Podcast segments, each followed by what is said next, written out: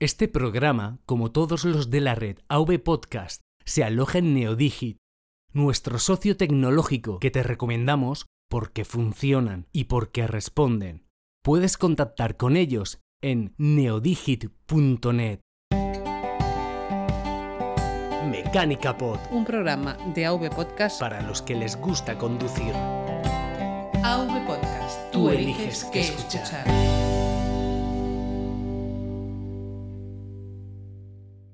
Buenos días, buenas tardes y buenas noches y bienvenido a Mecánica Pod, el podcast de motor de AV Podcast, en su episodio número 19 correspondiente al 4 de mayo de 2018.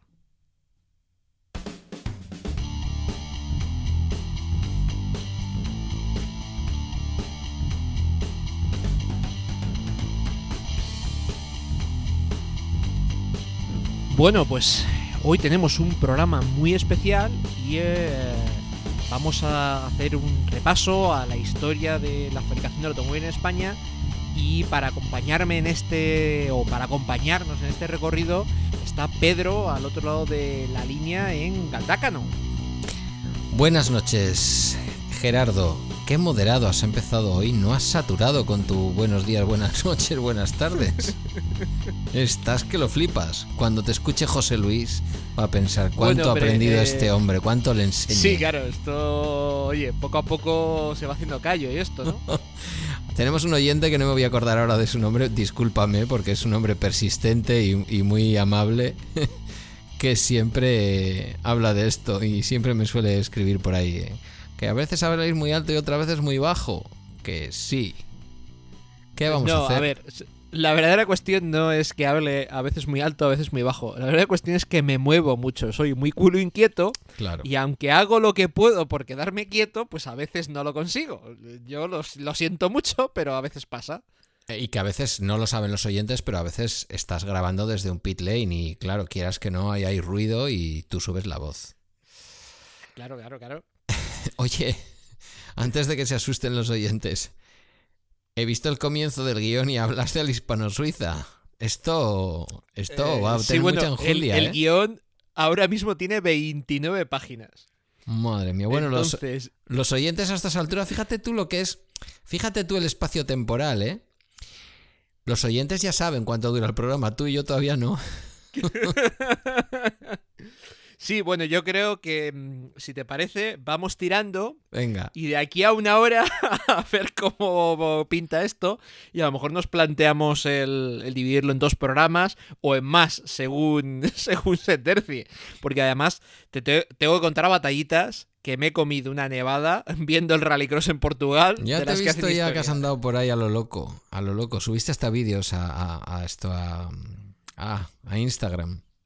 Sí, no, bueno, eh, no pude hacer más porque la red eh, estaba un pelín saturada, pero gran parte de lo que subí fue para trolear la pantalla. Bueno, es- ya, lo contaré.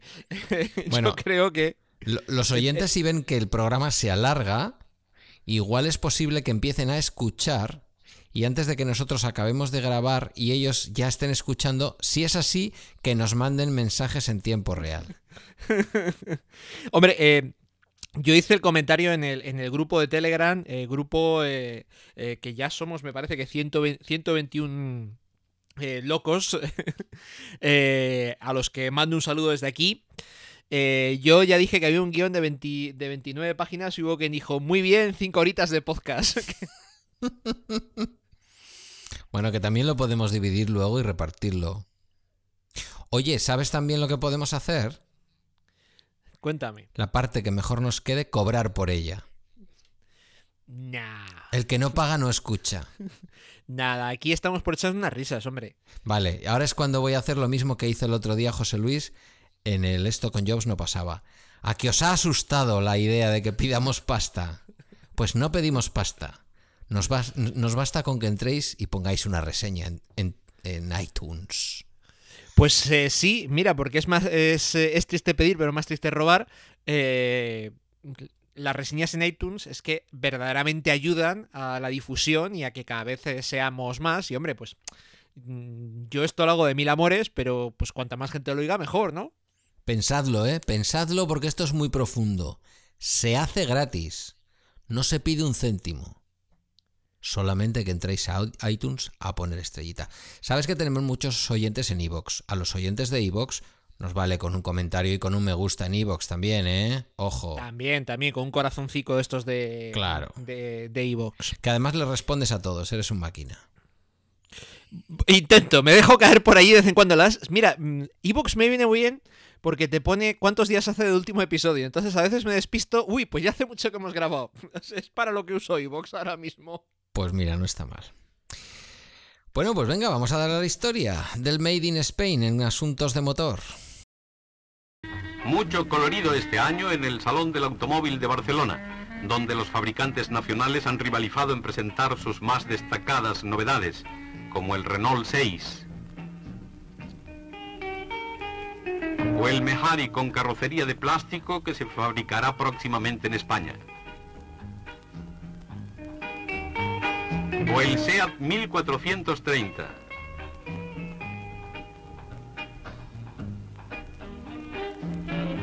O el Simca 1200 también de próxima fabricación. He aquí un MG 1300 carrozado por Serra, capaz de arrancar los más expresivos gestos de admiración. El Cordobán, artesanía cordobesa en las manos y en el ingenio de un cordobés, Antonio Madueño, un coche que se espera fabricar en serie y a buen precio. No menos colorido en el pabellón de coches extranjeros donde se puede admirar al famoso Ford GT40 simulando una entrada forzada en meta o este bonito contraste entre el Ford modelo T y el Continental con medio siglo de historia entre ambos. Muy actual el minimoque tipo playero. Lotus Europa para los forofos de la velocidad. Este coche es el Monteverdi y esta guapa, Miss Salón. El Excalibur con sabor de coche de época y el RO80, primer coche con motor rotativo Wankel. Pues sí, es que aunque a día de hoy no conservamos eh, marcas propiamente españolas, eh, la industria del motor en España tiene mucha importancia. Eh, he encontrado unas cifras, creo que son de 2015, que decían que el 9% de, de los, de, la fuerza del trabajo de, los trabajadores en España eh, trabajan ya sea eh, directamente o indirectamente en el sector de, la fabricación de automóviles, lo cual supone un 10% del PIB. No es, más, no es poca cosa, ¿eh? No es poca cosa. No es poca cosa. Es más, eh, estas cifras, que ya digo, me parece que son de 2015, decían que en los últimos 25 años habían salido de las cadenas de montaje españolas 61 millones de vehículos. Y bueno, ya veréis cómo hay Mm, yo creo que, bueno, todos tenemos idea de ah, fábricas que hay, hay más de las que pensamos y eh, ha habido muchas y sobre todo eh, ha habido cosas eh, muy curiosas de que han dado origen a cosas rarísimas. y yo creo que vamos a empezar por el primer coche fabricado en España. Una, cosa, antes de, que, antes de que te metas con el hispano-suiza. Una, una, visión mía, la visión cuñada de siempre. Tenemos una marca que simbólicamente sigue siendo española, la Sociedad Española de Automóviles de Turismo SEAT, eh, que todos sabemos que, es grupo Volkswagen y es lo que es, pero que sigue también fabricando en España y simbólicamente sigue siendo una marca española. Y luego tenemos un montón de marcas que sin ser españolas son realmente algunos de sus modelos netamente y 100% españoles, porque se hacen en factorías españolas. Sí, sí, bueno, eh, terminaremos eh, contándolo también. Por eso, por eso, quiero decir que, ojo, ¿eh? Venga, tira para adelante. Pues antes de Hispano-Suiza, eh, he intentado encontrar información sobre el primer coche fabricado como tal en España. En los, los, albores de la automoción, más que existir fábricas, pues había, pues digamos, gente con dinero que se hacía uno. Em, existen varias teorías, pero las, eh, digamos que la mayoría apuntan a un triciclo construido en el verano de, 1890, eh, gracias a Frances Bonnet, que se trajo de París un motor diseñado por Gottlieb Daimler, el mismo Gottlieb Daimler que se juntó con Carl Benz para hacer Mercedes-Benz, para hacernos una idea. No está mal. ¿Esos coches qué eran? ¿Ya tenían motor de explosión? ¿O Sí, sí, sí, sí, sí. Vale. eh, motor de motor de, de combustión. Creo que este, eh, concretamente, este, eh, creo que era un motor mono- monocilíndrico, este motor que se trajeron de. Lo que pasa que no está claro del todo que sea el primer coche construido, construido en España. Pero bueno. Ah, La- ah, digamos que la mayoría de las teorías apuntan. Sí, Hay la mayoría de las teorías, Vale. o las teorías más extendidas, apuntan a, a- a este vehículo. Como siempre en temas de movilidad, los catalanes, ¿eh? El francés Bonet. Sí, bueno, es que eh, eh, podríamos decir que uno de los sitios con mayor afición al motor es Cataluña.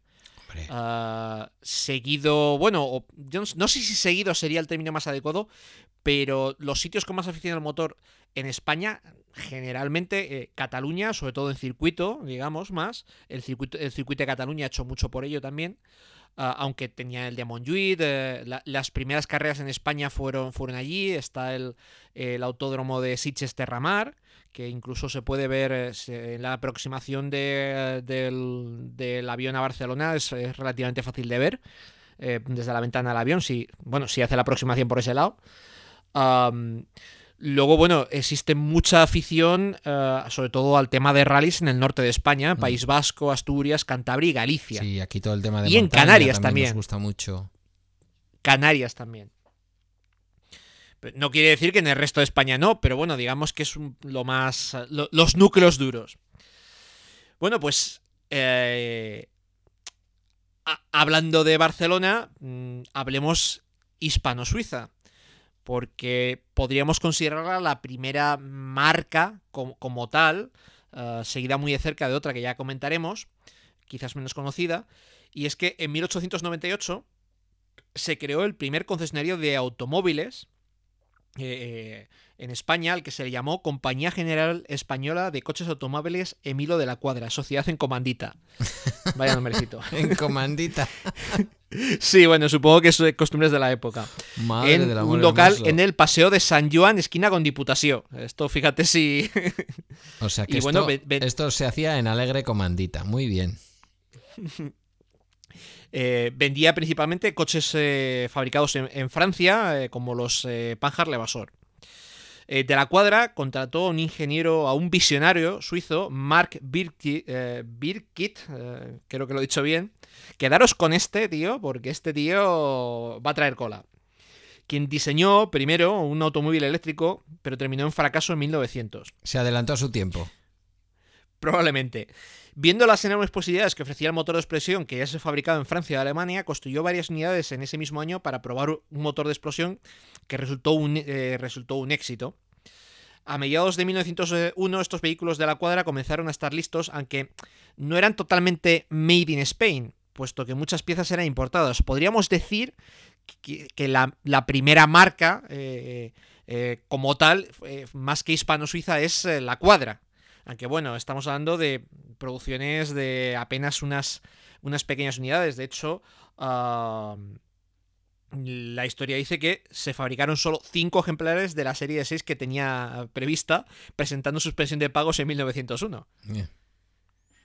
Se ve que Un año más tarde, en aquella época sí. se llevaban más los caballos de sangre ¿eh? que los de vapor. Pero bueno. un año más tarde, en noviembre de 1902, eh, José María Castro Fernández, uno de los principales acreedores de la cuadra, constituyó, una vez conseguido apoyo financiero, la sociedad J. Castro, Sociedad en Comandita, Fábrica Hispano-Suiza de Automóviles. Lo de comandita parece que no les había. No se habían dado por aludidos de que el nombrecito igual había tenido algo que ver con la suspensión de pagos. pues no lo sé. Asumiendo que aquí viene la parte interesante, el personal técnico y los obreros especializados de la anterior compañía, incluyendo al señor Birkit. Oh, tíos más modernos. O sea que ya subrogaban personal en aquella época. se ve. Eh, de ahí la denominación de hispano-suiza, por, por la importancia de este ingeniero suizo. Mm. La nueva empresa se instaló ahora en la calle Florida Blanca eh, de Barcelona y empezó por acabar los vehículos que habían quedado a mitad del proceso de fabricación. O sea que entre que empezaron con vehículos eléctricos, que hicieron apenas cinco y que tenían un montón de pedidos por entregar, aquello parecía Tesla o qué.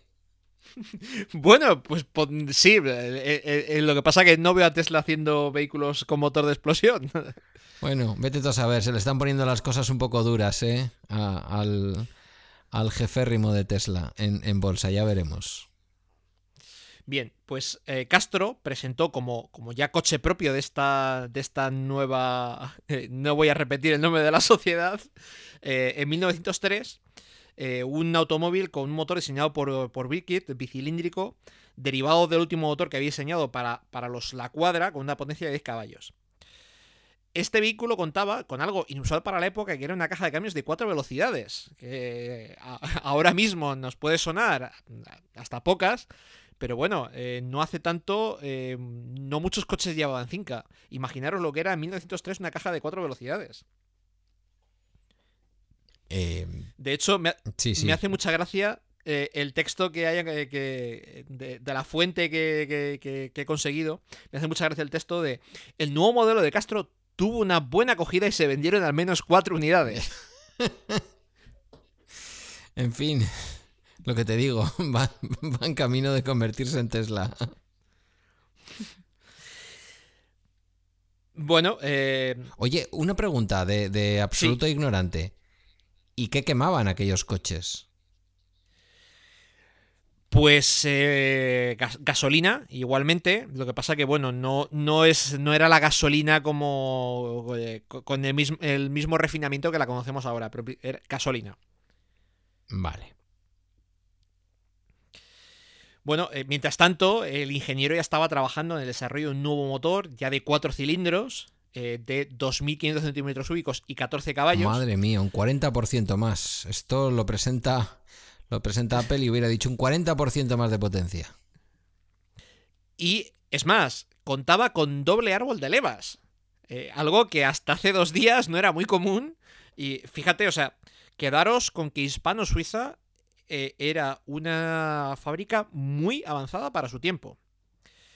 Lo que En cualquier lo- Lo caso- que sí que tiene pinta es que este ingeniero, el tío, sabía de esto, ¿eh? En cualquier caso, pues el capital se agotó pronto y la empresa quebró. Una vez más. Madre mía.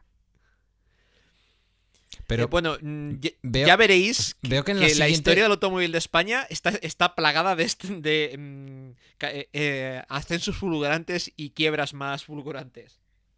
Bueno, te voy a dar tiempo. Lee lo siguiente si quieres o cuéntanos lo siguiente, pero estoy leyendo en el guion que la siguiente vez Hispano-Suiza ya no se llamó en comandita y esto seguramente que le dio más vidilla. Bueno, pues tras la quiebra, Francisco Seix Zaya convence a su amigo, el abogado y empresario del sector metalúrgico, Damián Mateo Ibiza, que a su vez era acreedor de Castro, esto parece que la fábrica se heredaba con, con las deudas, para que se hiciera cargo de la industria. Y el 14 de junio de 1904 se constituye una nueva sociedad, la Hispano-Suiza, me hace mucha gracia lo de la Fábrica de Automóviles S.A., ya se ve que ya lo de la comandita no, no se llevaba. Claro, porque a ver, habían dicho esto en comandita no funciona, tendrá que ser una sociedad anónima. Siendo lo, primero que se hace por esta fábrica, pues eh, eh, terminar de entregar los últimos eh, los últimos coches con ese motor de, de 10 caballos que, estaban pedidos. Y mm, podríamos decir que el, primer hispano-suiza como tal eh, montaba este motor de 14 caballos que se había desarrollado eh, bajo, digamos, el mando de la anterior empresa siendo eh, la base del primer hispano-suiza de 20 caballos y 3.700 centímetros cúbicos que se pone a la venta en los primeros días de enero de 1905. Este modelo será el de más éxito de esta primera serie y con el que se iniciarán los triunfos en el mundo de la competición. Fijaros que estamos en 1905 y hablamos ya de competición. Como era costumbre en la época, los fabricantes de automóviles de lujo entregaban únicamente el chasis y correspondía al cliente escoger el carrocero de su elección para que construyese la carrocería según sus gustos y especificaciones. Ah, mira, eso, Eh, eso esto sí que no lo sabía es- yo. Sí, sí, eh, eh, era muy común hasta mm, incluso la década de los 50, principios de los 60. Era bastante común, sobre todo en coches de, de lujo. Podríamos decir eh, que el primer coche de gran serie que salía con montado con una carrocería de fábrica fue el Ford Modelo T. El Ford Modelo T fue precursor en muchas cosas, la fabricación en serie y, digamos, el- la venta del coche completo como lo conocemos ahora. Esta es una práctica que hoy prácticamente, valga la redundancia, ha quedado reservada a las caravanas, bueno, caravanas, autocaravanas, y en el mundo más de la industria del transporte a los autocares, ¿no? Sí, sí, sí, sí. prácticamente podríamos eh, decir que sí, aunque sí que es verdad que cada vez más fabricantes de autocares tienen sus propios eh, carroceros, aunque siguen fabricando chasis, eh, chasis sueltos para que tú lo lleves a, pues a un Castrosúa o un Irizar, que son empresas españolas, a que te lo carrocen, pero van teniendo o han absorbido en alguno de los casos algún, algún carrocero o han montado su propio carrocero de fábrica. Un día que te vengas por aquí tenemos que ir a visitar Irizar, hombre. Pues, eh, oye, ¿qué cosas más raras habría ido a visitar? No, esto no es raro, está ahí en Guipúzcoa en un sitio precioso. Bueno, hay sitios preciosos cerca. Vamos a decirlo así. Bueno, pues eh, en 1905 se presentó al monarca Alfonso XIII, y es que Alfonso XIII eh, al igual que el rey emérito, era un apasionado del, automóvil.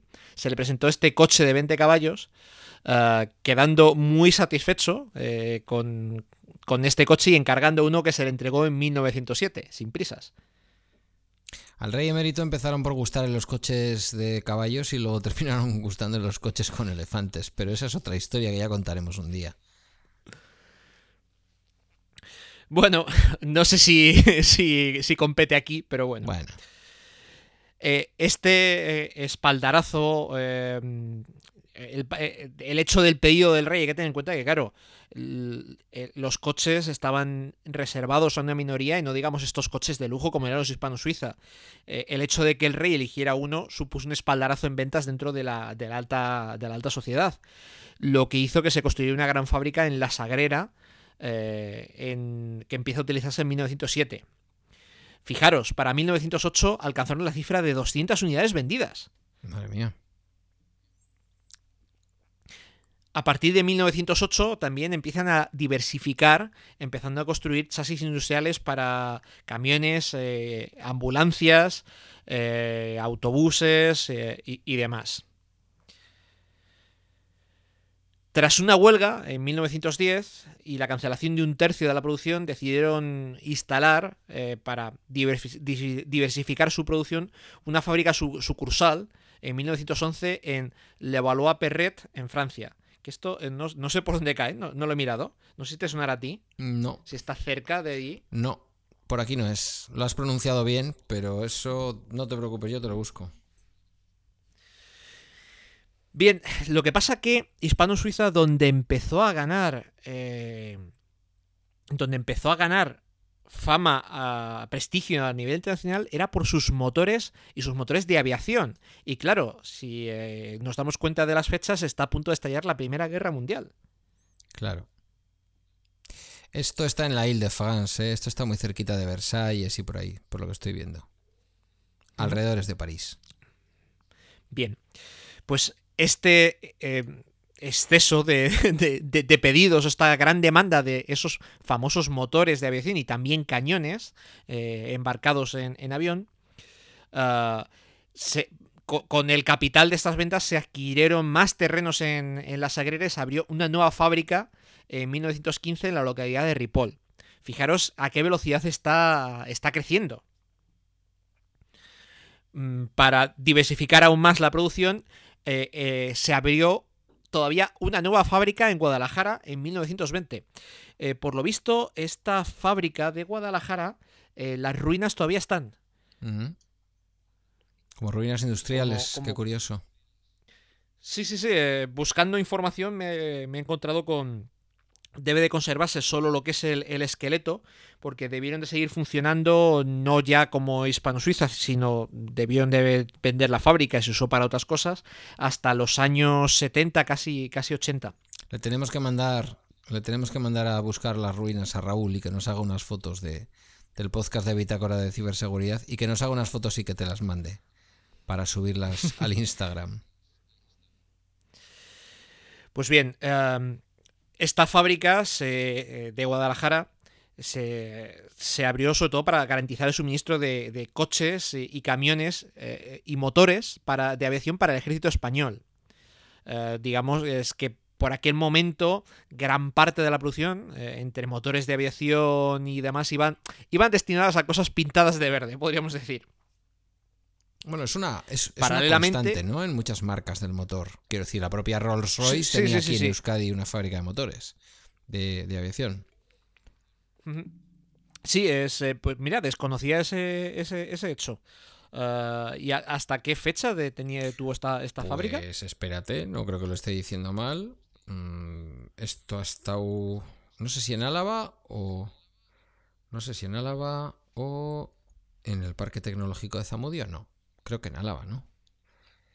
Um, tu, tu, tu. Dice en julio del 16 el correo, el gigante británico Rolls-Royce asume el control de la empresa vasca ITP en Zamudio.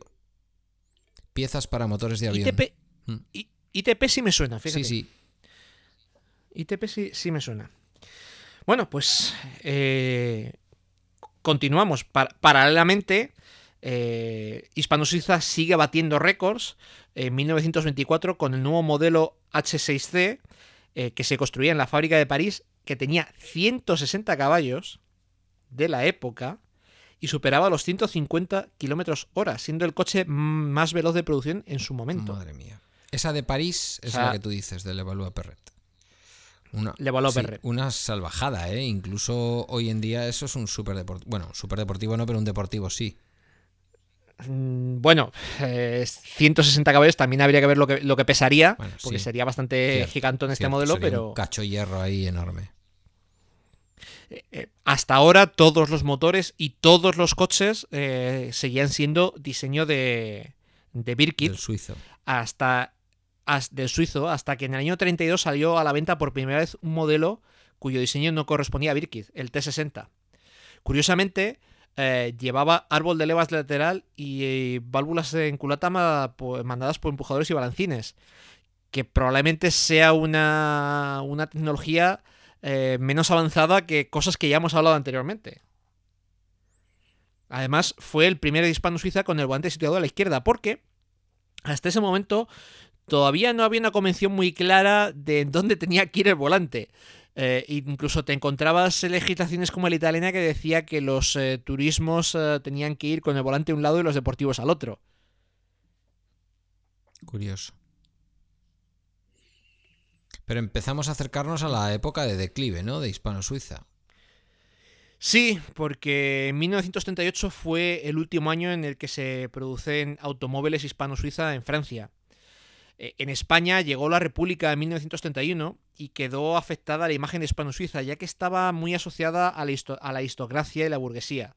De hecho, la fábrica de Guadalajara, pues mira, tuvo que venderse a Fiat. Además, con la guerra civil, la CNT se incautó de la compañía y más tarde el gobierno de la Generalitat nacionalizó las fábricas catalanas de la marca, legalizando la gestión obrera de los comités de trabajadores.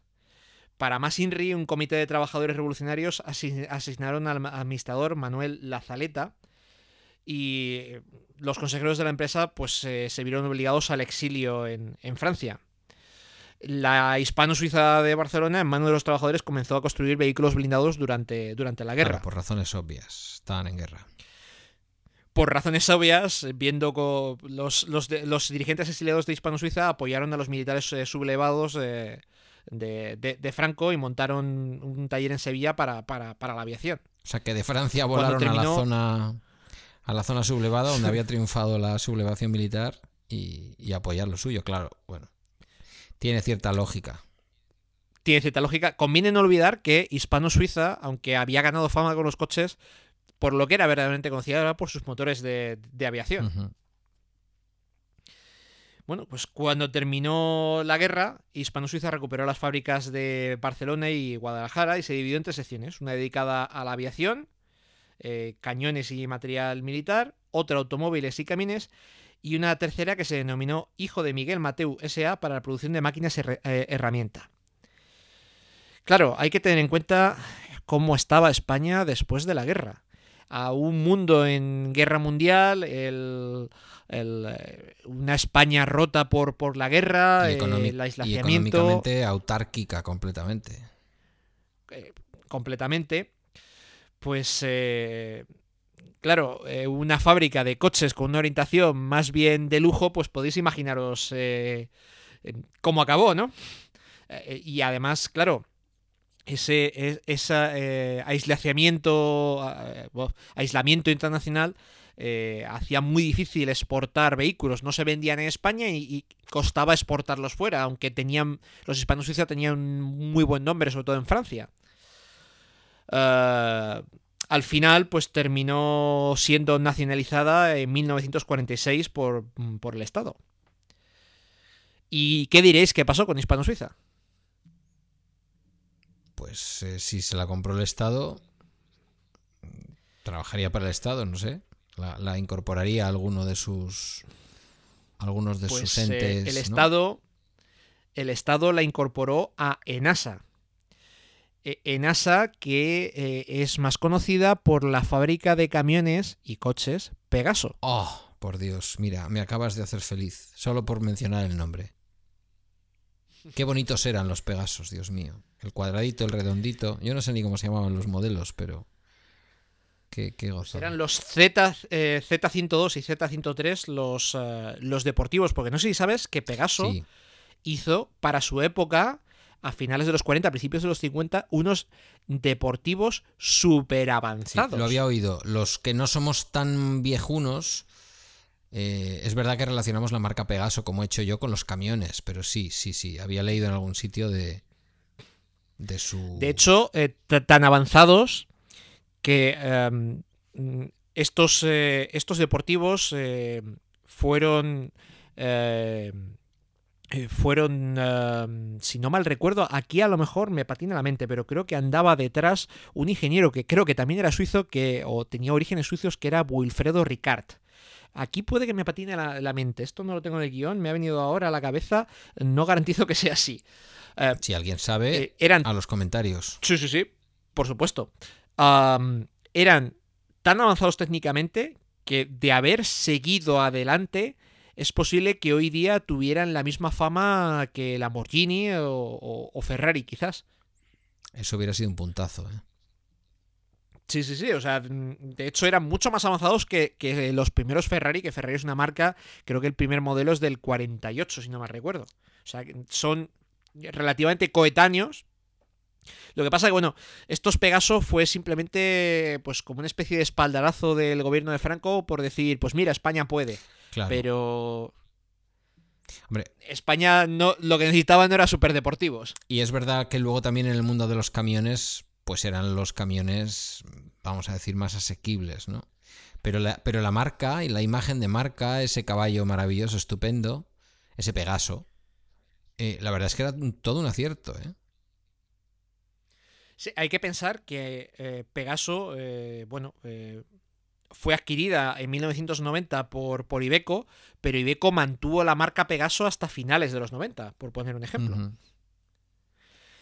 No obstante, antes, en 1968, Pegaso se hace con la firma vallisoletana Saba, que fabricaba eh, motocarros marca Fada desde el 54 para... Desde el 57 empe- empezó a fabricar furgonetas y camiones de bajo tonelaje bajo licencia inglesa. Eh, aquí es muy conocida la Saba J4. Yo no sé si por allí se vería tanto. Allí seríais más de, de la DKW por la zona. Pero sí, aquí la Saba J4 es toda una institución. sí, sí, no, se veían las dos, pero es verdad que la DKV se veía más. Pero la Saba, Pues, la Saba eh, es que era un... Claro, lo que tú has dicho, una institución. Sí, sí. Claro. Eh, a día de hoy, Eh, Pegaso, o sea, fíjate que hemos empezado desde Hispano-Suiza, eh, Pegaso, Ibeco, mantiene la fábrica de Valladolid, que hace la furgoneta Ibeco Daily, y eh, hacen las cabinas para los, eh, las tractoras Ibeco, no, sé ahora cómo se llama la gama de, de Ibeco, que el, resto se hacen en la fábrica de, en la fábrica de, de Madrid. Y una duda que tengo, no sé por qué me, me he pensado esto siempre. ¿Ibeco tiene algo de capital o de relación con Italia? Sí, sí, sí, eh, Ibeco es de- del grupo Fiat. Vale, vale, vale. Es que eso es lo que me parecía, pero no, no estaba yo muy seguro. De hecho, ahora la marca Ibeco como tal pertenece a FCA Industrial, que es como una matriz de, de, de Fiat también, ¿eh? O sea, o sea, es, es- es- Ibeco es Fiat. Vale, vale. De hecho, durante algunos momentos de los 80, creo recordar que había una furgoneta, la Daily, que se vendía como Ibeco Fiat. Así vagamente me suena, ¿eh? Es más, tú en los concesionarios de, de Ibeco te puedes llegar a encontrar eh, también furgonetas Fiat profesional. Aunque esto es más, más difícil, pero bueno. Bueno, pues hemos mencionado antes la DKW. Esa DKV. Y hablaremos luego.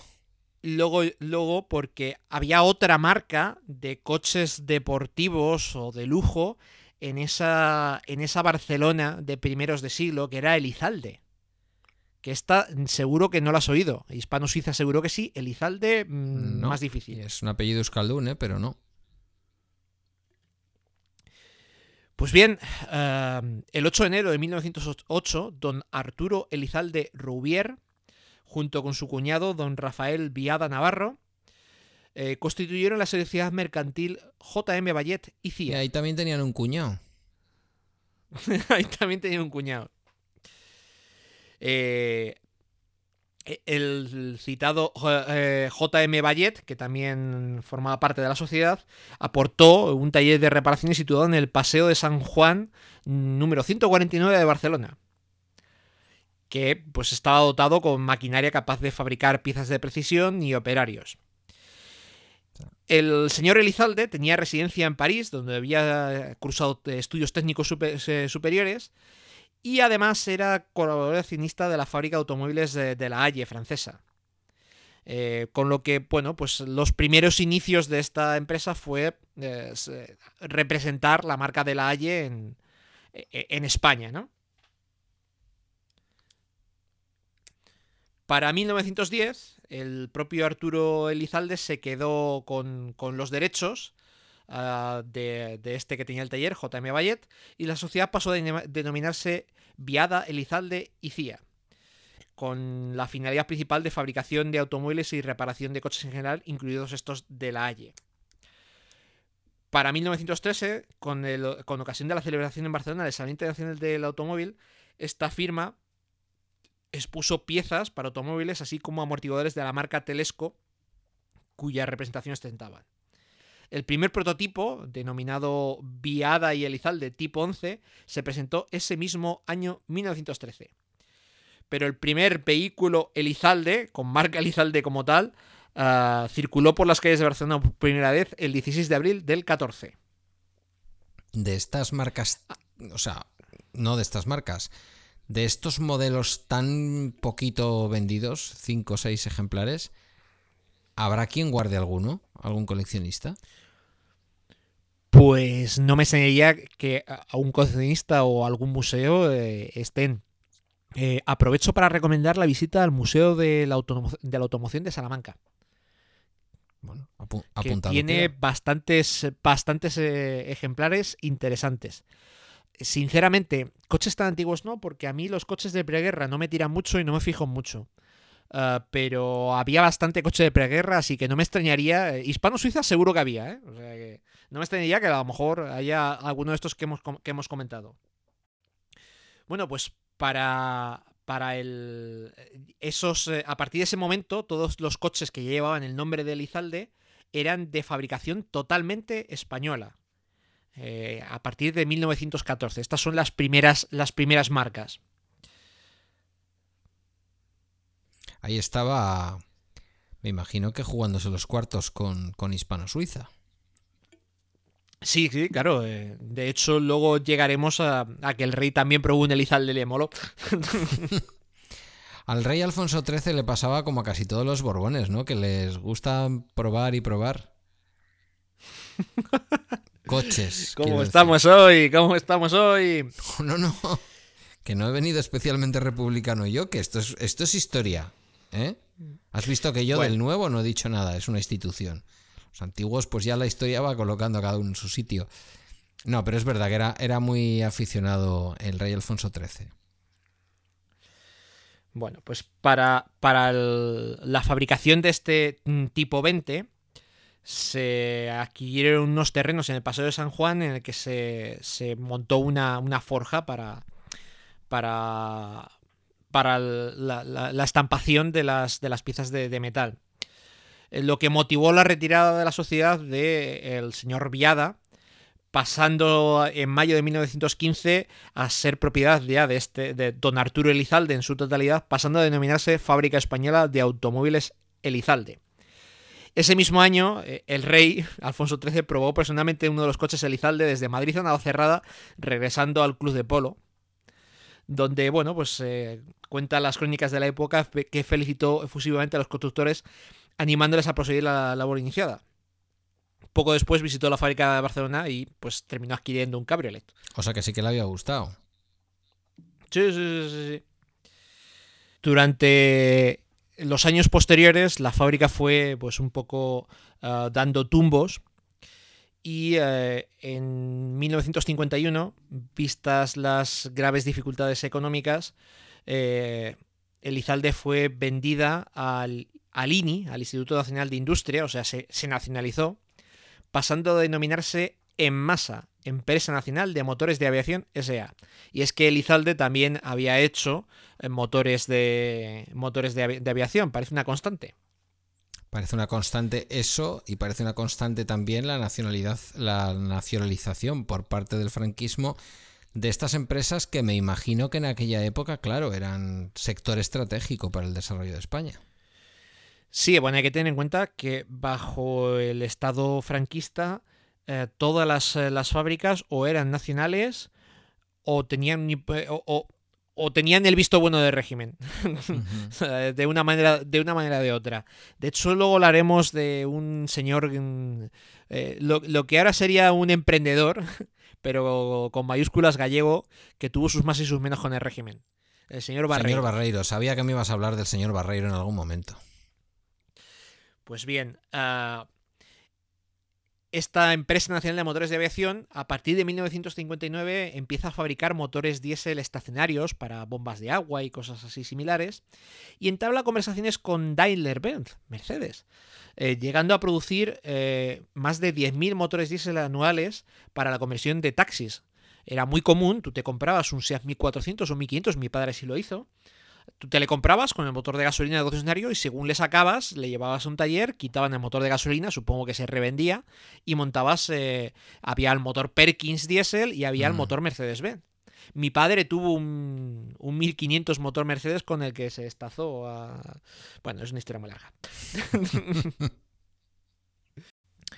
Desde el 63, eh, esta fábrica produce furgonetas eh, Mercedes-Benz, fusionándose en el 68 con Idasa, que importaba para España el resto de la gama eh, Mercedes-Benz. Vamos a hacer aquí una- un pequeño alto, un pequeño alto en el camino, porque, bueno, esta última pasa a controlar el 51% del capital de una nueva sociedad que se crea para la fabricación de las furgonetas y la importación, que es Cispalsa. Empieza también a producir motores diésel para SEAT. Eh, llegó a haber, eh, creo que era, no sé si fue el 131 con motor diésel Mercedes, ya no me acuerdo bien. Y en 1972 se constituye Mebosa, eh, fusionándose con ella Cispalsa e Imosa, que fabricaba las DKW, que ya hemos hablado de ellas. En esta época se llegaron a producir 27.000 motores y 16.000 16.000 furgonetas al año. Pero vamos a hacer un pequeño paso para atrás. Nos vamos a pasar el programa dando pa- saltos para adelante y para atrás. Es un poco lío, pero es que la historia lo es. Porque Imosa se dedicaba a hacer eh, furgonetas DKW alemanas bajo licencia en Vitoria. Ah, Desde ese es el origen de la 1948. factoría de Mercedes en Vitoria. Efectivamente. Ajá. Y es que, aunque eh, la empresa se registró inicialmente en Barcelona para aprovechar la licencia que ostentaba Automóviles Eucort S.A., eh, una empresa en suspensión de, de, pagos que fabricaba desde el 48 modelos copiados de, la DKV de la alemana Autounion, el 9 de noviembre de 51 Imosa trasladó su, mi- su domicilio social a Vitoria, firmando el primer contrato con licencia con Autounion, con la colaboración del Ayuntamiento de Vitoria y la Diputación de Alavesa, adquirió 140.000 metros cuadrados de terreno entre Ali y Gobeo para la construcción de sus pabellones que comenzó en el 53, Un terri- ensamblando el primer, Sí. el primer vehículo en marzo de 54. Te iba a decir que era un territorio muy rico, Álava. porque al ser la provincia... Claro, es que esto está muy mezclado con la política.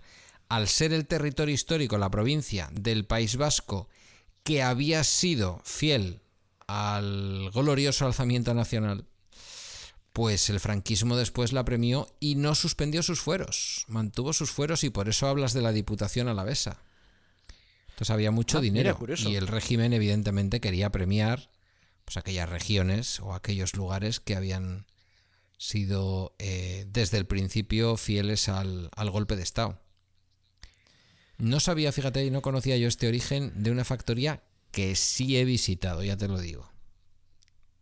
Me consta, me consta. Ya, lo has contado alguna vez en tu época en el, en el, en el gobierno, Mm. en el gobierno vasco. Bien, pues en mayo de 57 se constituyó, en colaboración con Industrias de Mendoza S.A., Industrias Auxiliares del Automóvil S.A. Inauto, para la construcción y montaje de carrocerías especiales de, de las... De la, de la- o sea, era un, como un carrocero para hacer eh, carrocerías especiales de las propias furgonetas de DKV. Situada en el polígono de Gamarra Betoño, que esto no sé si te sonará a ti. Sí, sí, claro. Esa es la entrada a Vitoria yendo desde Galdácano. Ah. En el 59 se creó Comercio e Industria Alaveses del Automóvil S.A. Ciadasa para la venta y distribución de los vehículos. Digamos que sería la parte de concesionarios. Ujú. Para 1963 contaba con 1.841 trabajadores, que no está mal, ¿eh? No, ni mucho menos. Obte- obteniendo en aquel año la exclusiva mundial para la fabricación del modelo DKW F1000, motor de 3 cilindros y 881 centímetros cúbicos una tonelada de carga. Para el 64 lanzó la DKW F1000D con motores Mercedes-Benz o M636, los que hablábamos antes, Esos los fabricaba el Fabricados bajo Instituto Nacional de Industria. Eh, fabricados bajo licencia por la barcelonesa en masa Sociedad de, de Lini, lo que viene de Elizalde. Se- Veis que vamos conectando los puntos. Claro, pero van conectando con, con una presencia muy potente del, del Estado que recordemos, pues era en aquellos años estamos viviendo la etapa gloriosa desde el punto de vista económico del desarrollismo franquista. Es más, fíjate. em, al año siguiente presentó la F1500D con mayor capacidad, cuyo chasis fabricaba Sica Española S.A., filial de Inmosa. En 1961, la propia Autounión fue absorbida por Volkswagen AG. Autounión eh, es la génesis de Audi, para que os hagáis una idea.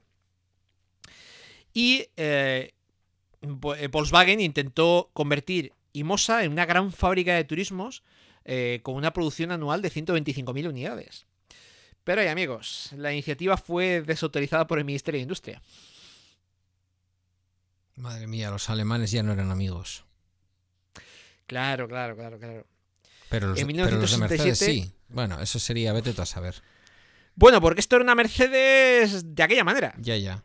Por- porque en realidad era, eh, digamos que Mercedes como tal no tenía furgonetas y se, se fabricaban aquí en España de aquella manera para el mercado español y no sé si siquiera se exportarían.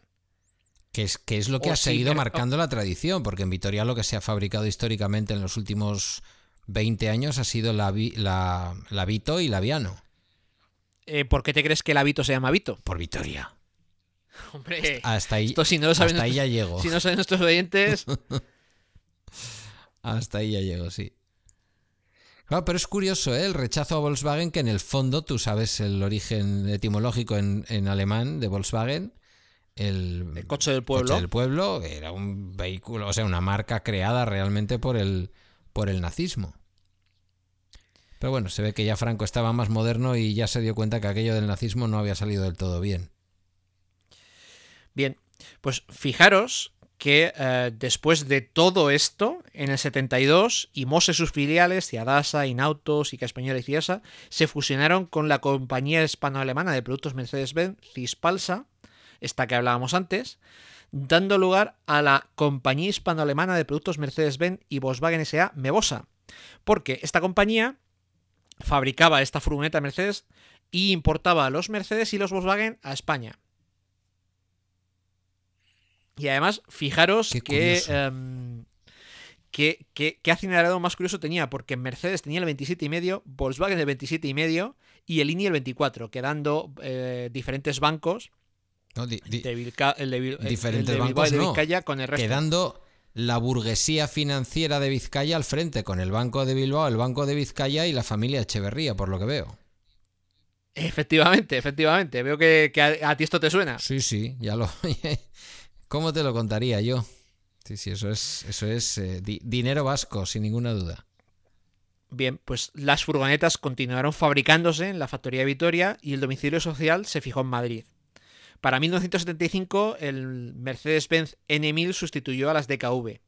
De hecho, eh, estéticamente eran relativamente comunes y a lo mejor te acuerdas de haber visto esas furgonetas Mercedes-Benz más antiguas que llevaban los cuatro auros de Autounión en el morro. Tengo que ver alguna bueno, foto. de Autounión, pero que, noso- que nosotros los eh, vinculamos a Audi hoy día. Ah, qué curioso. Qué curioso, qué interesante. Tú, tú fíjate aquí la de la de vueltas que la de vueltas que, que Claro, da esto. Pero entonces ahora cuando vemos a las grandes marcas, ¿no? Cuando vemos a Suzuki compartiendo chasis, eh, compartiendo incluso motorizaciones para hacer algunos vehículos en común con Fiat. Cuando vemos, bueno, ya no te digo las, las empresas que son del mismo grupo, ¿no? Como puede ser ahora mismo Opel, Peugeot y Citroën. Esas colaboraciones incluso entre empresas que tienen que ver lo justo no son ninguna novedad del- de, los años 2000 ni de esta década en la que No, no. vivimos. Esto viene de nos siempre. pensamos que nos pensamos que esto viene de ahora y que va, que va, que va. Curioso. Espérate, que esto va a dar más vueltas todavía.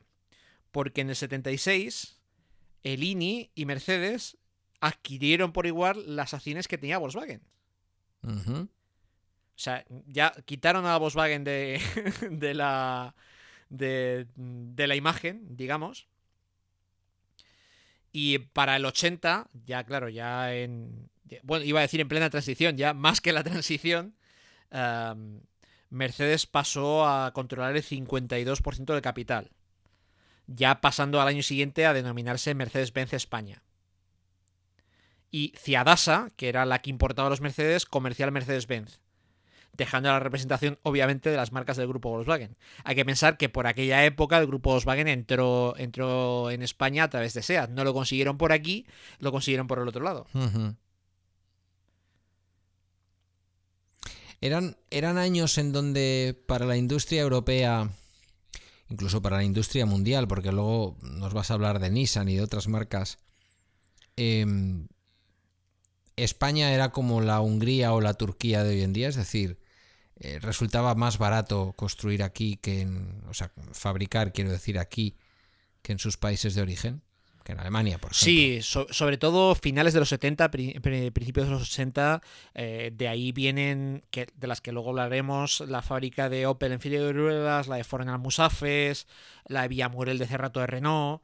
eh, con, el, con el aperturismo, pues nos encontramos con un país eh, que tenía una mano de obra mucho más barata sin dejar de ser cualificada. Sí, sí.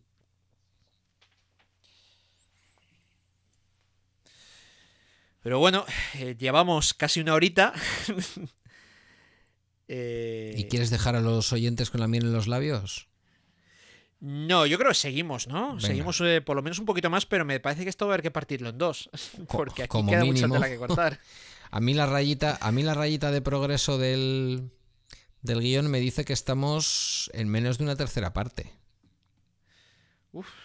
Me acabas de hundir en la miseria.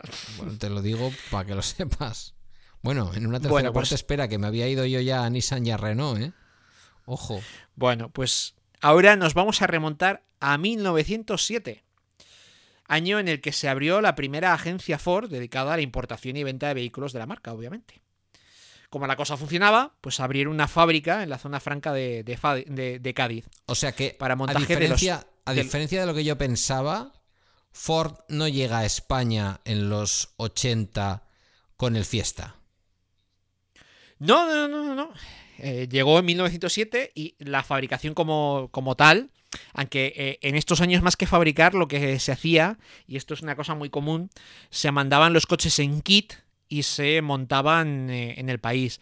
Esa es una de las maneras de saltarse los aranceles a los coches fabricados. Incluso a día de hoy eh, es relativamente común que se a países un pelín proteccionistas se envíen coches en, CKD, que se llama, en- desmontados para que se monte, aunque la fabricación como tal se hace en otro sitio, el montaje final se haga en el país de destino. Y estos trucos son los que he utilizado durante, sobre todo, diría yo, los últimos 30 años, cambio de milenio más o menos, las marcas japonesas haciendo puente a través de Gran Bretaña para saltarse los, los límites de producción o de venta en, en Europa de sus, de sus coches. No, las fábricas japonesas directamente lo, o sea, lo que montaron fue eh, fábricas en, en Inglaterra. Y, y, em, no tanto CKD como fabricar, fabricar como tal.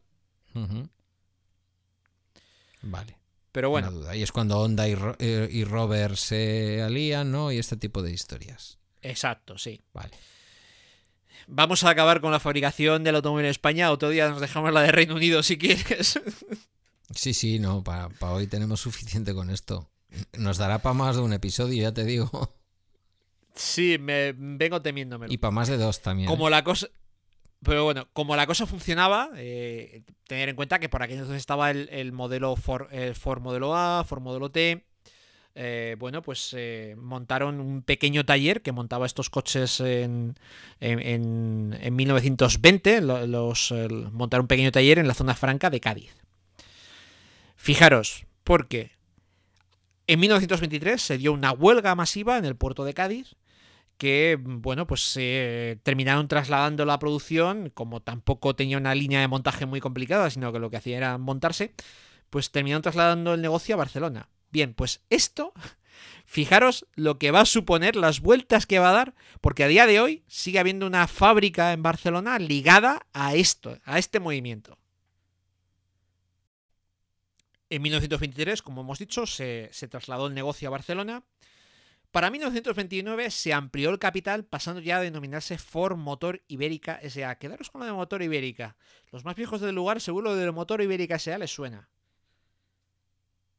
A mí me suena lo de Luike Motor Ibérica, pero eso va de prensa. Sí. La planta fue incautada durante la Guerra Civil y además el posterior recibimiento impidió su normal funcionamiento, dedicándose pues a reparar con lo, con lo poco que quedaba en el país, reparar los Ford que existían y hacer transformaciones a gasógeno. El gasógeno que fue muy popular en la posguerra, no sé si sabes en qué consiste. Lo he oído y la verdad es que no, no, no sé exactamente cuál es el funcionamiento químico del asunto o energético. Bueno, pues el gasógeno, que consiste en un sistema de obtención de combustible gaseoso a partir de sólidos. Quemar sólidos, leña, carbón, produce eh, monóxido de carbono que tiene algo de poder calorífico.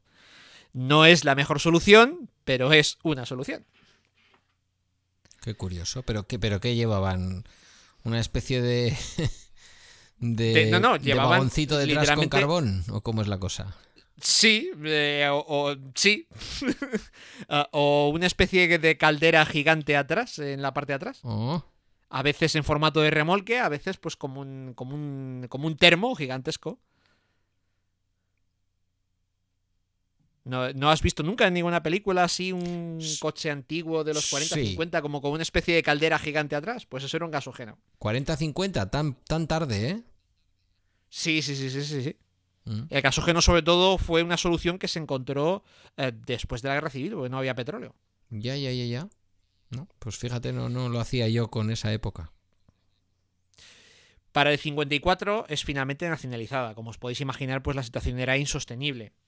Pasando a llamarse Motor Ibérica y siendo destinada por el régimen a la comercialización de tractores y camiones bajo marca Ebro, eh, utilizando eh, camiones y tractores de licencia Ford. Ah, pero ahora ya sé de que me suena motor ibérica. De Nissan Motor Ibérica. Efectivamente, caballero. Mm. Motor Ibérica, además, bueno, veremos cómo, sobre todo durante los 60 y 70, fue un gigante que se fue comiendo un montón de, pequeñas marcas más. Y es que eh, que, ya verás como hemos fabricado mucho más de lo que uno podría, podría pensar. Eh, para el 65 rompen relaciones con Ford y eh, pasan a fabricar tractores con licencia Massey Ferguson, que por aquel entonces adquirió un 36% de la sociedad. Supongo que la manera que tenían los fabricantes de poder fabricar en España era adquirir una parte de la sociedad y si no, poco, poco les dejaban. Entonces, en este año, de alguna manera, se inicia un periodo en el que Ford queda fuera de España. Sí, sí, sí, sí, exa- exacto, exacto. Vale. Ford queda, queda fue- ya podría decirse que en el 54 ya queda fuera, pero bueno, se seguían haciendo cosas ba- bajo su licencia. En esta época comienzan a absorber multitud de pequeños fabricantes. Por ejemplo, Fadisa, con fábrica en Ávila desde el 56 que producía furgones bajo licencia Alfa Romeo. Furgones que con la asociación pasaron a ser los Ebro F100. Ah, qué curioso. Fábrica esta de Ávila que a día de hoy sigue fabricando eh, camiones pequeños Nissan. Perkins, fabricante de motores diésel con licencia inglesa. Biasa, que fabricaba el Jeep bajo licencia en Zaragoza desde el 60, que fue absorbida en el 74 por Motor Ibérica. Eh, seguro que lo de Jeep Biasa te suena. No, Bueno, no, ese no. en el, en el 67 eh, abrieron la, fa- la factoría de Zona Franca en Barcelona, además una factoría súper moderna. Para el 79, Massey vende su participación a Nissan y empieza a fabricar tractores. Eh, ¿Quién no se acuerda de los Ebro Kubota? Ebro Cubota, por Dios. Además, Nissan eh, en el 81 eh, compra el, ci- el 55 hasta el 55%, haciéndose con el control, y comenzando a producir la furgoneta Banet y el Patrol, descontinuando el Jeep Piazza. En la actualidad queda la fábrica de, de Ávila, que hace estos camiones pequeños Nissan, y eh, la de la zona franca, en la que se hacen Nissan EV200, Primastar, Renault Traffic, eh, Nissan Pulsar, Navara y creo que alguna cosa más. La Banet. Fijaros Joder, la Sí, sí, qué sí. fuerte. Otra mítica también. Pues eh, hace poquito eh, vi eh, imágenes de una carrera de aceleraciones que hay un preparador de Burgos que ha cogido una Banet y le ha metido el motor de un BMW 850 en posición central. Eso, pero si eso no pesaba nada, era una furgo, pero eso era como un vehículo seguramente de turismo, de, de Pues peso. imagínate si, si le metes ese, ese, ese motoraco lo que anda, el cacharro. Lo que se vendió aquello, ¿eh? Sí, sí, sí. sí. Y bueno, y los propios Patrol. Los propios Bueno, eh, el Patrol, Patrol. se vendieron un montón. Patrol muy popularizado porque eran las patrullas de, de la Guardia Civil. Oye, una pregunta, una duda. Santana en toda esta historia no pinta nada, ¿verdad? Se relaciona más con, con Land Rover. Santana no pinta nada, ya hablaremos de ella. Vale. Vale, vale. Bien, pues eh, vamos a hablar de Renault. Hombre. Y es que, aunque en realidad, bueno, su historia es em, relativamente sencilla, una serie de, de industriales que te, se llevaban bien con gente del gobierno de, de Valladolid, mm, consiguieron el permiso del régimen para constituir la sociedad FASA, Fábrica de Automóviles S.A., que construía vehículos Renault bajo licencia bajo licencia bueno, eh, Renault venían en principio venían desmontados y poco a poco se fueron se fueron fabricando cada vez más componentes eh, a nivel nacional. Esto es una constante. Siempre se empieza eh, pues eso vehículos en kit y luego poco a poco pues esta pieza que me viene en el kit ya no se la compro al ya no se la compro al, al origen y la hago yo aquí no vale pues eh, estos primeros Renault 4 el- las cajas de cambio se hacían en la fábrica ISA de Sevilla, que fue- terminó siendo adquirida por Renault en el 66. Y los, monta- los motores se hacían en Nueva Montaña Quijano, que era una metalúrgica Mm. de Santander. Eh, quedaros con lo de Monta- Nueva Montaña Quijano, que esto va a traer, va a traer tela. Porque está directamente relacionado con la fábrica de Landaven de, de Navarra. Anda. Donde hacen el polo. Bien. Pues eh, eh, en el 55 Renault Francia ah, aumentó su participación hasta el 49,9, supongo que lo máximo que le dejaba el régimen, para ya en el 76 convertirse en el accionista principal y en el 77 abrir la factoría de Villamuriel de Cerrato. A día de hoy en España Renault eh, tiene la de Valladolid, donde hacen el Captur, la de Palencia, que es donde hacen el Megane y el Castellar. Bueno, miento, en la Valladolid hacen, hay, hay factoría de motores eh, y hacen también el Twizy. Y luego está la factoría de eh, cajas de cambio en, en Sevilla. Como veis, la historia de Renault no tiene mucha importancia, exceptuando ese detalle de Nueva Montaña Quijano que os decía. Y es que, claro, a principios de. finales de los 50, a principios de los 60, Renault empezó a hacer sus propios motores, con lo que ya no, te- ya no se hacía Nueva, Nueva Montaña Quijano, que se quedaron sin carga de trabajo. ¿Y qué decidieron? Bueno, pues si no se los podemos hacer a Renault, hagamos una marca de coches a las que. a, a- a- a la que montárselo, ¿no? Digamos que un patada para adelante. Y firmaron un acuerdo con la British Motor Corporation creando AUTI en el 66, automóviles de turismo hispano-ingleses.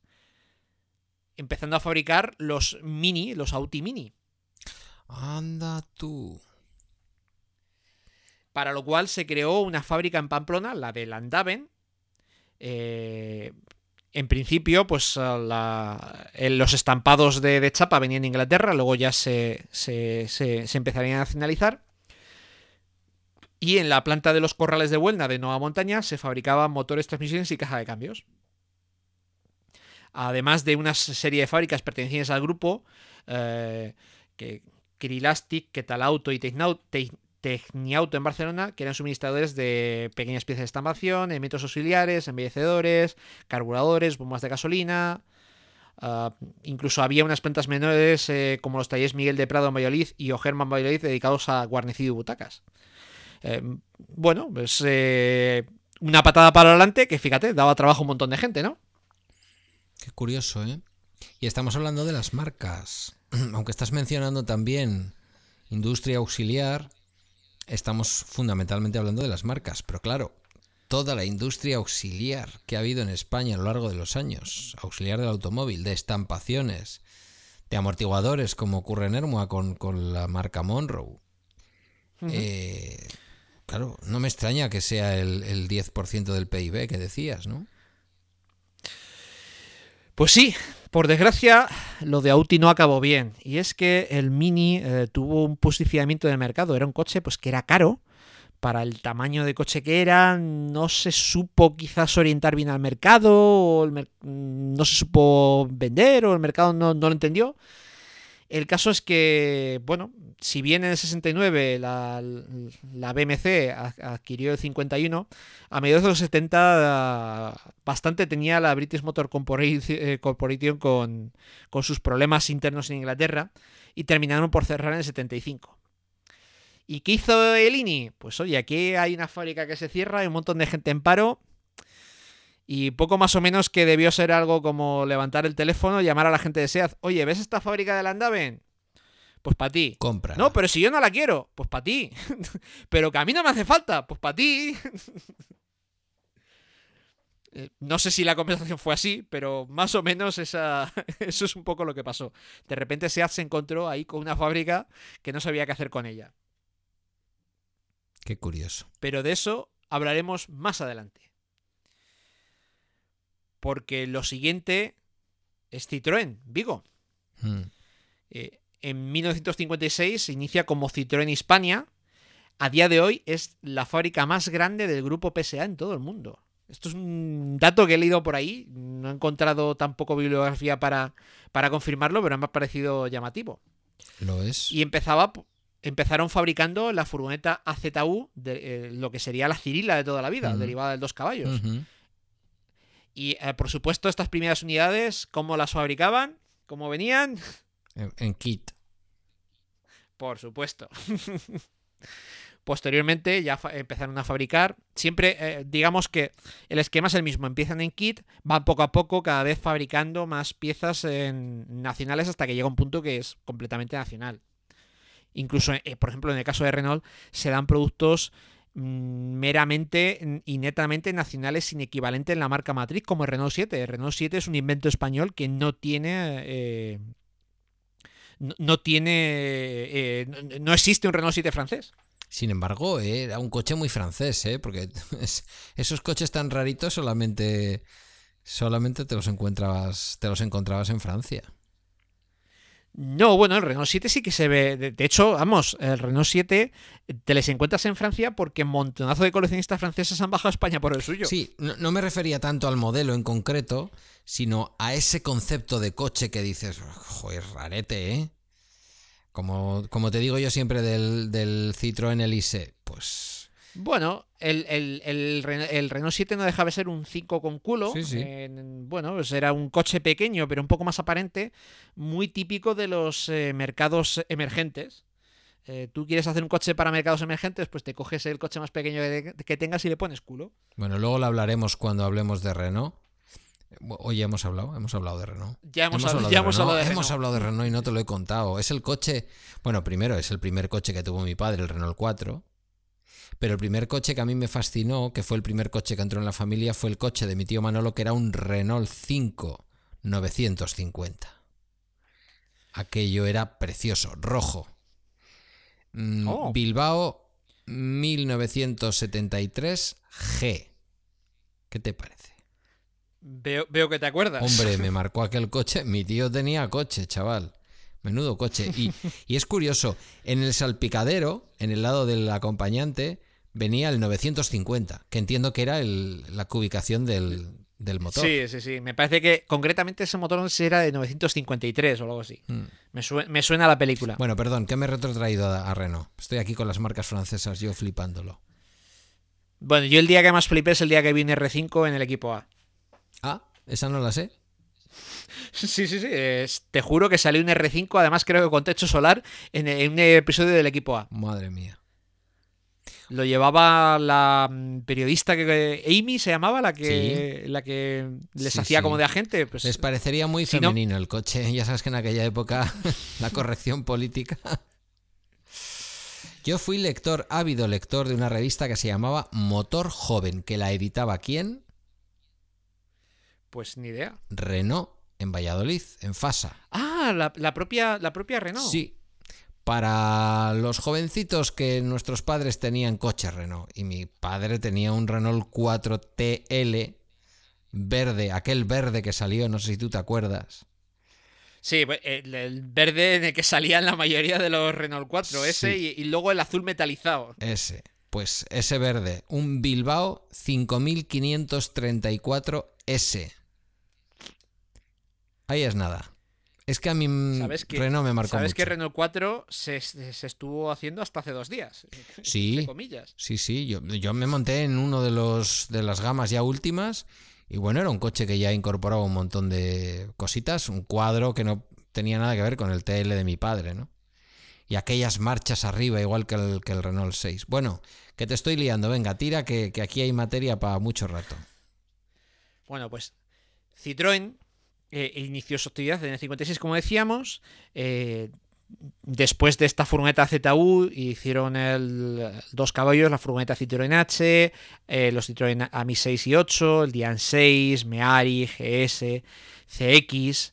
Eh, hay que tener en cuenta que en el 75 eh, Peugeot compra Citroën, con lo que ya empiezan a hacer el Peugeot 504, el 505, eh, posteriormente Citroën Visa, Citroën BX, la C15, eh, más de un millón de unidades fabricadas durante 20 años. En la C15 Y bueno, así hasta los actuales. Así hasta los actuales C4 Picasso, Gran Picasso, Berlingo, Partner, Celisee. Pero mm, PSA tiene otra fábrica en España, en Villaverde, Madrid.